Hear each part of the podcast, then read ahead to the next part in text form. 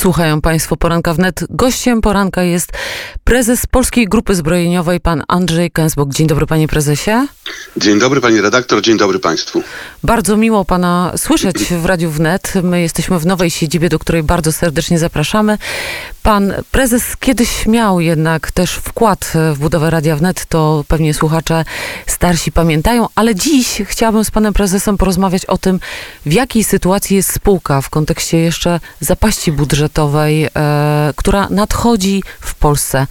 Czy udało się wypracować nową strategię? E, dziękuję serdecznie za zaproszenie. Rzeczywiście bardzo mi miło jest mi gościć na antenie e, ulubionego Radia Wnet. Rzeczywiście jest sytuacja gospodarcza trudna. Wiemy o tym, że no, pandemia delikatnie mówiąc nie pomaga. Natomiast my podchodzimy do tej sytuacji całościowo. To znaczy, oczywiście no, wypracowywanie nowej strategii nie, nie jest tylko podporządkowane y, sytuacji epidemicznej.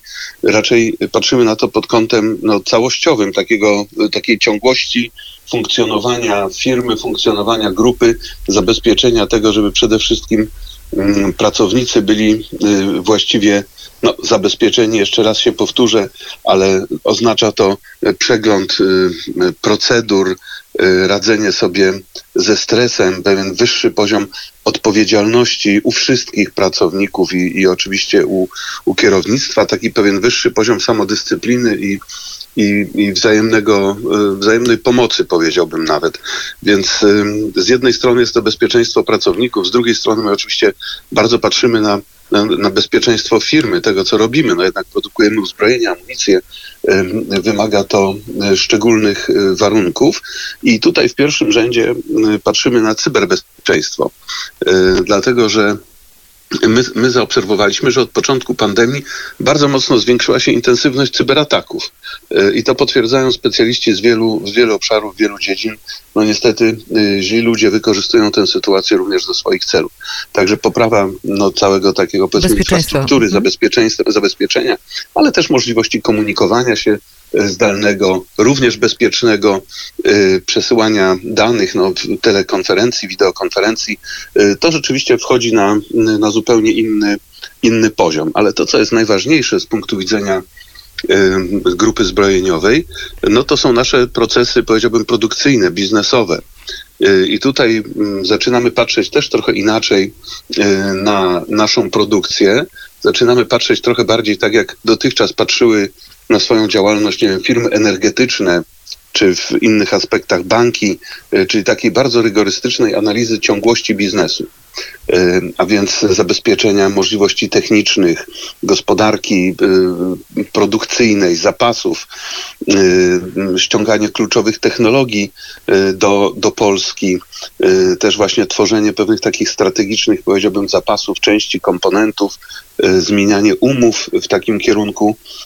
No i wreszcie taka, taka ciągłość już y, y, powiedziałbym bardziej mm, technologiczna, czyli współpraca, współdziałanie, możliwości dublowania pewnych rozwiązań w różnych y, fabrykach, w różnych zakładach, w różnych spółkach, żeby można było bezpiecznie jak gdyby dowozić, mówiąc kolokwialnie, nasze, y, nasze produkty, na które y, czekają siły zbrojne. W tamtym roku grupa zbrojeniowa zamknęła rok ze stratą miliarda. To jest ogromna kwota w kontekście tego, co się dzieje w gospodarce i stąd też pomyślałam, że warto by było porozmawiać z panem o tym, czy produkcje, które państwo mm, wykonują w trakcie COVID-u, mówię tu o maseczkach, E, kombinezonach i tak dalej, jakoś budżetowo państwa wspierają? Czy jest jakieś rozwiązanie, które Oczywiście wiemy, dlaczego ten miliard był i skąd ta korekta i tak dalej, ale czy ten rok też będzie tak kiepski dla polskiej grupy zbrojeniowej w kontekście wydarzeń, które się dzieją w całej gospodarce na świecie?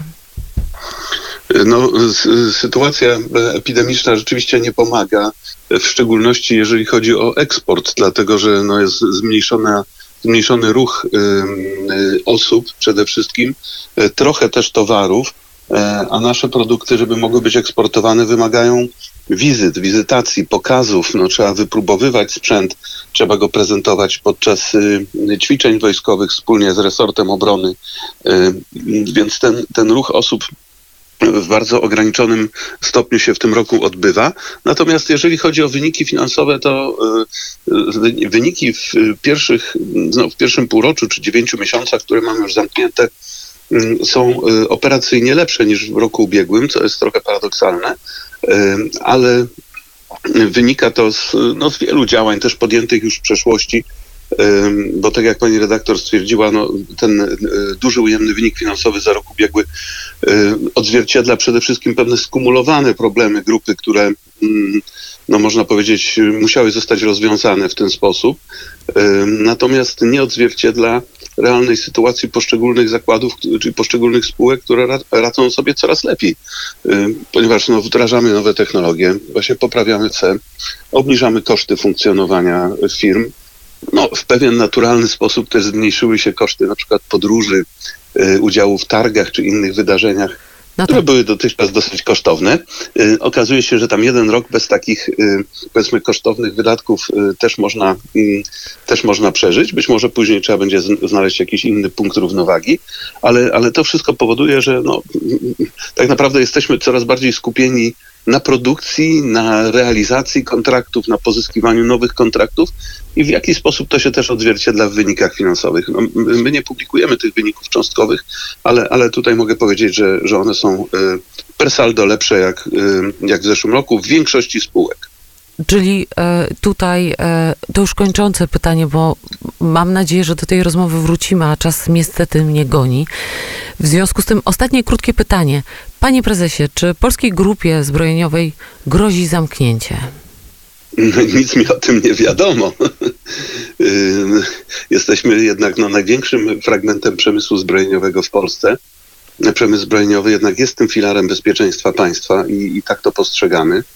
E, więc e, no, raczej e, widziałbym kolejne kroki w rozwoju, w umacnianiu przemysłu zbrojeniowego całego, bo to również oczywiście sektora prywatnego niż jakieś zamykanie czy zwijanie. I to jest optymistyczna wiadomość. Filar, Polska Grupa Zbrojeniowa będzie teraz poprawiać i działać dalej. Dziękuję panu za rozmowę. Wszystkiego dobrego. Andrzej Kęsbok, szef, prezes Polskiej Grupy Zbrojeniowej był państwa i moim gościem. Wszystkiego dobrego.